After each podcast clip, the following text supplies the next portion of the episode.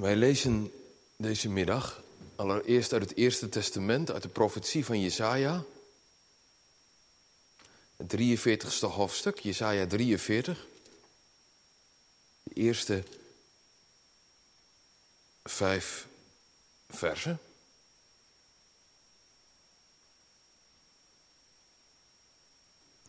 En vervolgens uit Marcus 6. Allereerst dus Jesaja 43. Hoor het woord van God. Maar nu, zo zegt de Heere, uw schepper, Jacob, uw formeerder, Israël, wees niet bevreesd, want ik heb u verlost. Ik heb u bij uw naam geroepen, u bent van mij. Wanneer u zult gaan door het water, ik zal bij u zijn. En door rivieren, zij zullen u niet overspoelen. Wanneer u door het vuur zult gaan, zult u niet verbranden, geen vlam zal u aansteken. Want ik ben de Heere, uw God, de Heilige van Israël, uw heiland. Ik heb Egypte als losgeld voor u gegeven, Kush en Seba in uw plaats.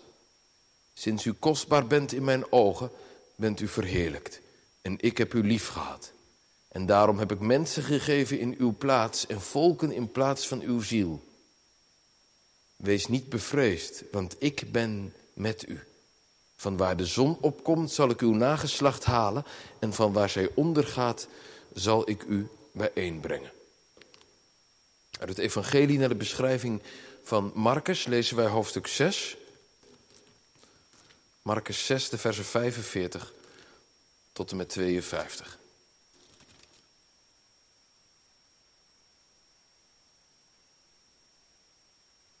Voorafgaand heeft Marcus ons verhaald van de wonderbare spijziging, de vijf broden en de twee vissen. En vervolgens horen we, en meteen dwong hij, Jezus, zijn discipelen in het schip te gaan en vooruit te varen naar de overkant, naar Bethsaida, terwijl hij zelf de menigte weg zou sturen.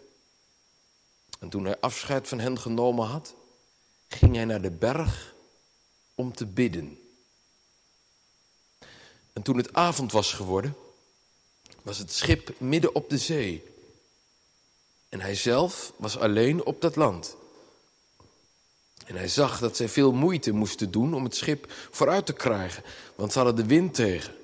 En omstreeks de vierde nachtwaken kwam hij, lopend op de zee naar hen toe en wilde hen voorbijgaan.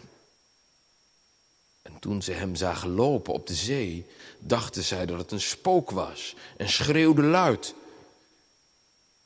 Want alle zagen hem en raakten in verwarring. En meteen sprak hij met hen en zei tegen hen: Heb goede moed, ik ben het. Wees niet bevreesd. En hij klom bij hen in het schip. En de wind ging liggen. En ze waren innerlijk volkomen buiten zichzelf. En zij verwonderden zich. Want ze hadden bij het wonder van de broden niets begrepen. Omdat hun hart verhard was. Tot zover de lezing uit het woord van God. Zalig die het woord van God hoort, bewaart en doet. Marcus 6. En dan met name de versen 45 tot en met 52 vormen het uitgangspunt voor de verkondiging. Geroepen gemeente van Jezus Christus, hier in de kerk of als u thuis met ons verbonden bent, nu of later. Evangelisten zijn geen vertellers van sterke verhalen. Die erop uit zijn om hun lezers te vermaken en te imponeren. En Jezus is niet zozeer de superman met grote magische krachten. Je kunt, wat ik nu heb gezegd, natuurlijk ook beter positief formuleren. Evangelisten zijn brengers, verkondigers van goede, hoopvolle boodschap die geloof willen wekken, versterken. En Jezus? Jezus is de zoon van de Allerhoogste de gekruisigde en opgestane. is misschien niet het meest spectaculaire begin van een preek. Maar ik hecht er juist vanuit dit gedeelte aan, om dat nog eens expliciet vooraf te zeggen. Als een disclaimer zou je bijna kunnen zeggen. Of misschien moet je zeggen als een leeswijzer bij de geschiedenis die we hebben gelezen. Want anders gaat het soms zomaar mis. En gaan wij dit gedeelte toch lezen als een verwoording van een van de vele haast magische trucs van de Superman Jezus. Met als een uitwerking, wauw, wat is Jezus machtig? Bewondering. En misschien ook wel, kan ik dit nou ook in geloof of zoiets? Of aan de andere kant, zo zou je het ook kunnen lezen. Ja, dit kan toch niet waar zijn. Leuk verhaal misschien van vroeger. Maar wij zijn van na de verlichting. Hier heb ik niks aan. Ja, en dan zijn er natuurlijk nog een paar tussenvarianten. Maar dat is het dan wel zo'n beetje. Maar als je de geschiedenis alleen zo leest, zo magisch, waardoor er heel veel bewondering voor hebt, of juist niks mee kan. Wanneer je de geschiedenis alleen zo leest, dan kun je er niet zoveel mee. Nee, dat zou zonde zijn. Zonde. Gaan jullie maar vast in het schip. En vaar maar naar de overkant, naar Bethsaida. Ik stuur de menigte wel weg. Zo horen we Jezus zeggen. Zojuist, zo heeft Marcus verhaald, heeft hij een bijzonder wonder gedaan. De menigte gevoed door vijf broden en twee vissen te vermenigvuldigen. Kijk, de mens heeft een ziel en die moet je niet verwaarlozen. Die ziel was door Jezus verzorgd. Hij had een dag lang de menigte onderhouden onderwezen. Maar de mens heeft ook een lichaam. Dat verzorging vraagt en moet ook gegeten worden. Nou, dat gebeurt ook. En nu dat allemaal achter de rug is, zegt Jezus, gaan jullie maar vast. Ja, is dat wel eens tegen u gezegd? Of tegen jou? Ga maar vast. Als mijn vader of moeder vroeger zoiets tegen me zei, of als ik nu zoiets tegen mijn kinderen zeg, dan is dat vaak omdat ik nog even iets wil doen. Waar ik hen niet zo bij nodig heb. Waar zij misschien wel even verre van moeten blijven. Ga jij, ga jij maar vast. Gaan jullie maar. Ja, maar ik kan nog wel even wachten. Nee, ga maar vast. Zo is het hier ook. Jezus zoekt rust. Stilte. Hij gaat de berg op en gaat in gebed. Hij zoekt contact met zijn vader. Dat lezen we wel vaker. Vreemd is het niet. Daar kun je natuurlijk wel van alles over denken en zeggen. Hè? Over Jezus als bidder. Hier ook weer. Heeft hij dat nodig? Maar Jezus was toch ook God? Of voegt Jezus hiermee zich in de Joodse traditie om op de berg te bidden? Jezus als de biddende Jood? Het valt me wel op dat dat gebed, als we dit gedeelte zo lezen, precies tussen twee wondertekenen invalt. Ook Jezus Zelfs Jezus doet de dingen blijkbaar niet zonder meer. En zomaar, hij stuitert met eerbied gesproken niet van het ene wonderteken naar het andere. Hij gaat van kracht tot kracht steeds voort, jazeker. Maar dat kan alleen maar door de pauze van het gebed. Voortdurend was Jezus in gebed. Bid zonder ophouden. Ja, en wat je voortdurend moet doen, moet je ook regelmatig doen. Jezus in gebed en dat op de berg. Dat schrijft Marcus erbij, hè? En dat is natuurlijk niet zomaar zonder reden. Nee, de berg, daar ontving Mozes de stenen tafelen en zag iets van Gods heerlijkheid. Elia hoorde op de berg de Heer in het zuizen van een zachte stilte. Vanaf een berg vaart Jezus ten hemel. De berg, dat is de plaats van de godsontmoeting. Jezus is dus helemaal letterlijk, figuurlijk, plaatselijk, zou je kunnen zeggen, in de sfeer van God. In gebed en op een berg. En de discipelen. Ja, die bevinden zich heel ergens anders. In radicaal andere omstandigheden. Niet op de berg, op het land, maar op het water. Op de zee. En de zee, dat weet u toch ook wel. De zee is in de Bijbel toch ook de plaats waar de machten die tegen God ingaan huizen. De zee is toch ook de chaos. Niet voor niets wordt toch in dat laatste Bijbelboek gezegd. En de zee was niet meer. Dat wil zeggen geen chaos meer. Alleen nog die ene glazen zee. En of het dan nog niet genoeg is, lezen we ook nog van tegenwind en van duister. Die discipelen lijken wel van God los te zijn.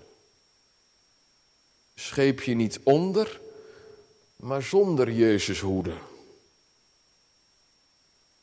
En dan te bedenken dat het de gehoorzaamheid aan Jezus woorden is, gaan jullie maar vast, die hen in deze storm gebracht heeft.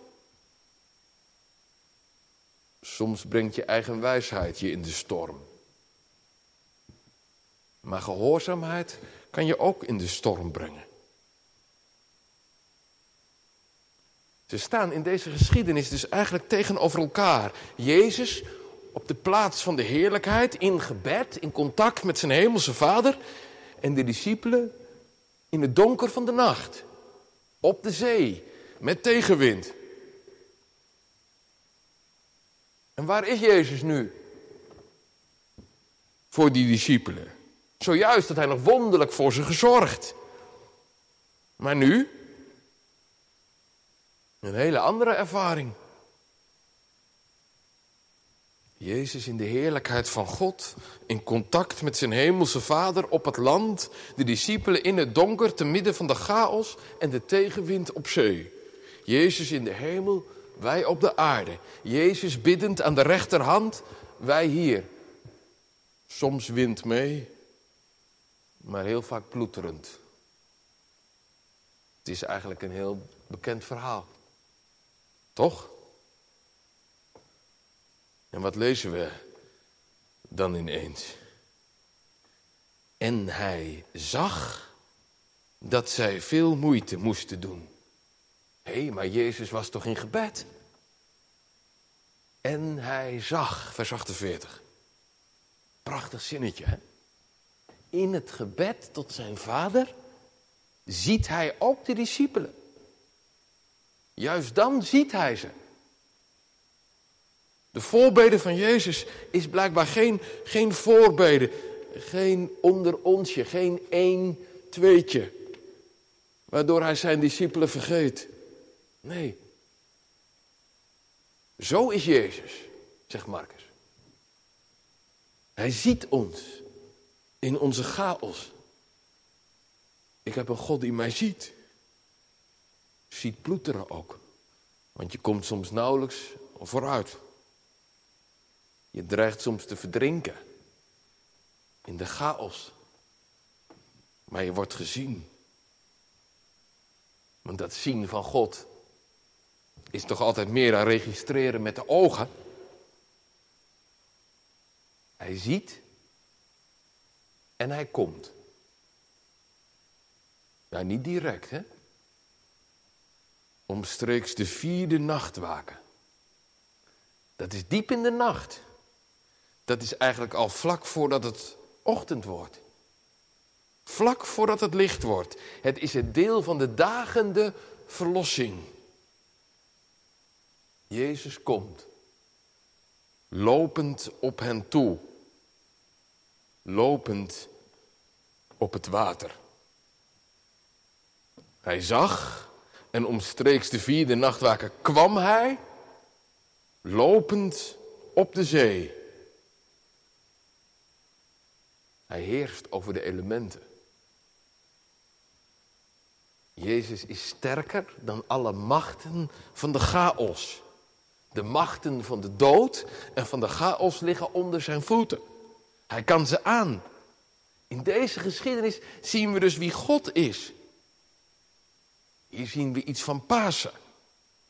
Dat is het wat Marcus zijn lezers en dus ook ons wil duidelijk maken. Niet zozeer Jezus is een superman. Jezus is God. En God is groter dan de machten van de dood. Hij loopt er overheen. Hij heeft het voor het zeggen. Jezus in gebed.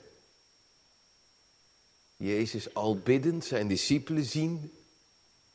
Komende. En dan, ja, dan lees je. En wilde hen voorbij gaan.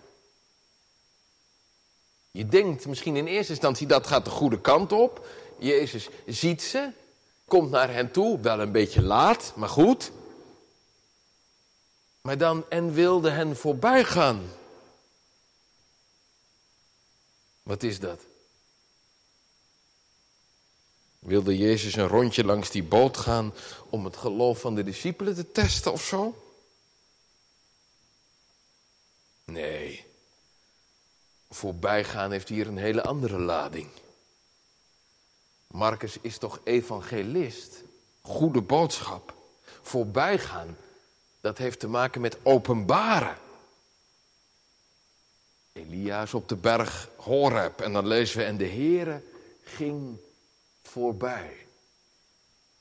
En nog eerder, Mozes op de berg, wanneer mijn heerlijkheid voorbij gaat, voorbijgaan is de openbaring in verborgenheid.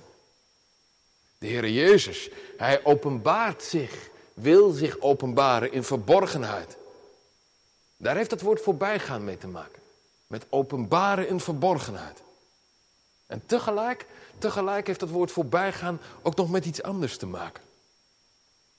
Met Pascha, Pesach, voorbijgaan.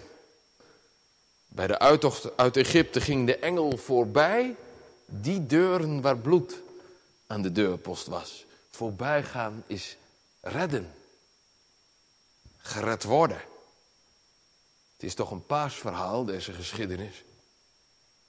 Jezus, hij is degene die bidt. Die vanuit het bidden ziet. En die vanuit het zien komt. En die vanuit het komen openbaart. En redt. Prachtig, hè? Zo is God. Toen en nu.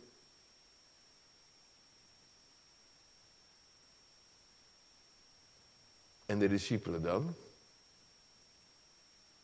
Zij zien Jezus. Ja, en toen zij hem zagen lopen op de zee, dachten zij dat het een spook was en schreeuwde luid. Ook dat nog, hè? even u verplaatsen. Ploeteren in de nacht, in het donker, te midden van de chaos. En dan ook nog zoiets erbij, alsof het nog niet genoeg is. Waar de zee demonisch wordt gedacht, hoort het spook er natuurlijk bij. Dat verschijnen van het spook is dus niet iets absurds voor de discipelen dat, dat hoort er bijna, daar kun je op, in zo'n soort situatie. Een fantasma staat er letterlijk. Zinsbegoocheling. Ze roepen, ze schreeuwen. Ik weet niet hoe u altijd naar vissermannen kijkt. De tijd dat ik nog predikant in Katwijk was, voelde ik me vaak wel een heel klein mugje bij al die hele grote kerels. Stoere mannen. Ja. En als die gaan schreeuwen, zo in de nacht.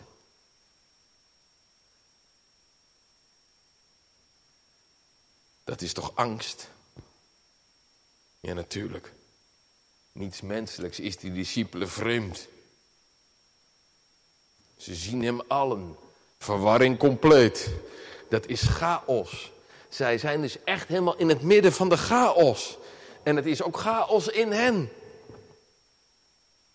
Kijk, als je zelf te midden van de chaos bent, dan kan het al heel beroerd en vervelend zijn. Maar als de chaos ook in jou is, Angst.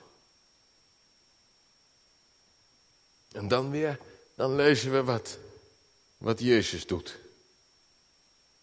En meteen sprak hij met hen. En zei tegen hen, heb goede moed. Ik ben het. Wees niet bevreesd. Jezus, hij sprak met hen. Hij spreekt hen aan. Aanspraak vermindert toch de paniek. Als iemand iets tegen je zegt. En wat zegt Jezus? Heb goede moed. Ik ben het. Wees niet bevreesd. Heb goede moed. Vat moed. Houd moed. Het is een woord dat vaker klinkt bij mensen die omringd zijn, te midden van alle machten en krachten. Bij mensen die omringd zijn door chaos.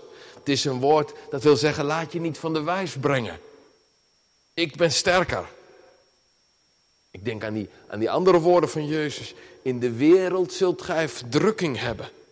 Maar heb goede moed. Waarom? Ik heb de wereld overwonnen. Het evangelie is er ook vanuit Pasen geschreven. Heb goede moed. Niet zomaar een dooddoenerige opsteker. Nee, dat is vanuit de opstanding. Ik ben het. Dat is natuurlijk hier geen woord van, uh, van herkenning. Hè? Van, oh kijk nou maar even goed. Wees maar gerust. Ik ben het, Jezus.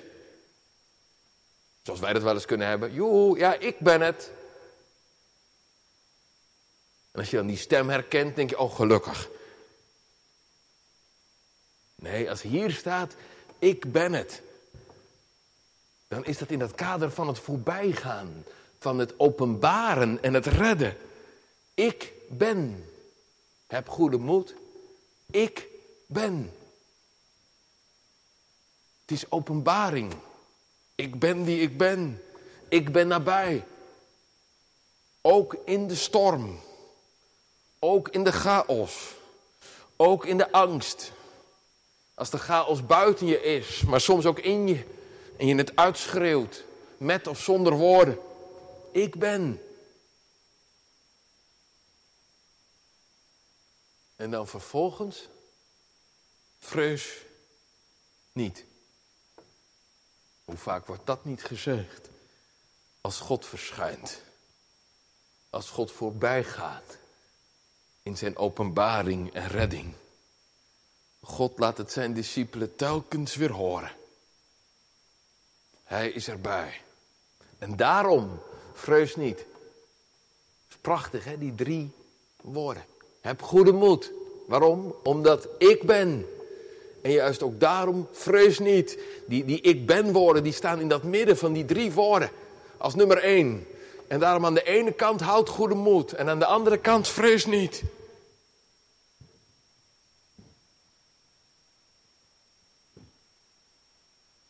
Het is een paasgeschiedenis. Ja, inderdaad. Maar Pasen dringt maar moeilijk door, hè? Dat lees je toch in de Bijbel ook de hele tijd. Dat Pasen eigenlijk nauwelijks doordringt. Het moet Pinksteren worden. Willen mensen Pasen kunnen geloven? Hier zie je dat al. Want wanneer Jezus in het schip klimt en de wind gaat liggen, is het nog steeds chaos. Want zij hadden bij het wonder van de, de broden niets begrepen, omdat hun hart verhard was. Zo sluit vers 52 af. En aan het einde van vers 51. En zij waren innerlijk volkomen bij zich, buiten zichzelf. En zij verwonderden zich. Verwondering. Ja, dat, dat is een soort verbazing, maar dat is nog niet de overgave in geloof. Hun hart is nog verhard, hoe verwonderd ook. Dat is toch ook herkenbaar? Wij geloven Jezus toch niet zomaar zonder meer en zomaar. En dat gaat blijkbaar ook niet zo heel veel sneller, dat geloven, als je wonderen meemaakt. Dat denken wij natuurlijk wel. Als ik nou maar eens dit zou meemaken en dat zou meemaken, alsof we dan wel zouden geloven. Vergeet het maar. Die discipelen hadden al een uh, wonderlijke vermenigvuldiging meegemaakt. Geloofden nog steeds niet. Hun hart was verhard. Een hart, hart. Het moet Pinkster worden. Wil je iets van Pasen kunnen begrijpen? De geest opent de harten voor Jezus. Of om het met een Cruyffiaanse wijsheid te zeggen, je gaat het pas zien als je het door hebt. Daarom is het gebed om de krachtige werking van Gods geest zo belangrijk. Anders ben je soms zomaar een discipel met een verhard hart. Dringt het wonder van Pasen nauwelijks tot je door, van de opstanding. Hoor je die woorden, ik ben het. En daarom, houd moed, vrees niet, nauwelijks. Wat een bijzondere geschiedenis. Jazeker. Wat je daarmee moet. Nou, niet denken, Jezus is een superman. Anders. In Jezus is God reddend verschenen. De donkere machten, de stormen, de chaos, de elementen van dood. Hij is de baas. Toen en daar. Hier en nu. En soms denk ik, ik verzuip. En schreeuw ik. Met woorden of zonder woorden. Er zijn zoveel golven. En je komt soms nauwelijks vooruit. En komt Jezus dan voorbij? Ja. Vandaag komt Jezus voorbij. U hoort toch wat hij zegt? Heb goede moed.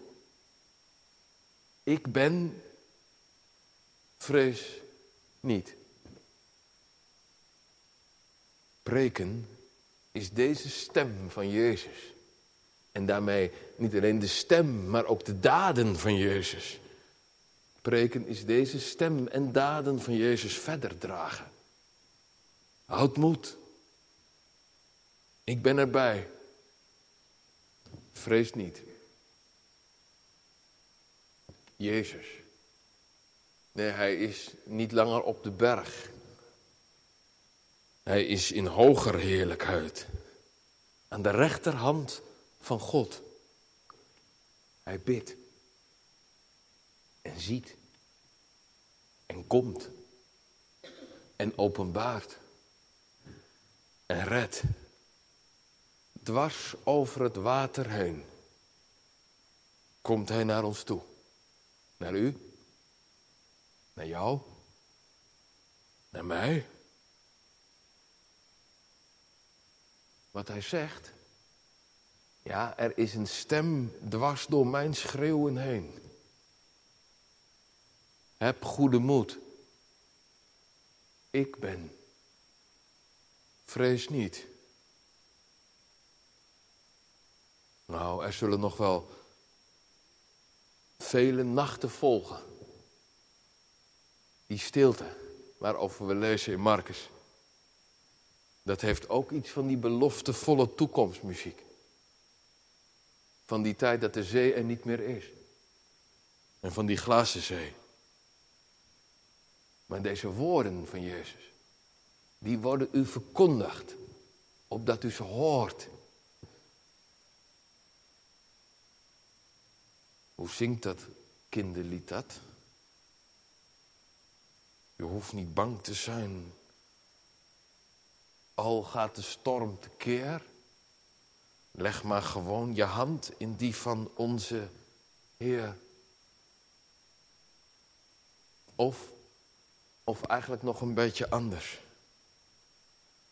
Ruwe stormen mogen woeden. Alles om mij heen zei nacht. Maar God, mijn God, zal mij behoeden. God houdt voor mijn heil de wacht. Moet ik lang zijn hulp verbeiden, zijn de liefde blijft mij leiden. Door een nacht, hoe zwart, hoe dicht, voert hij mij in het eeuwig licht. Want het is Pasen geweest. En het zal Pasen worden.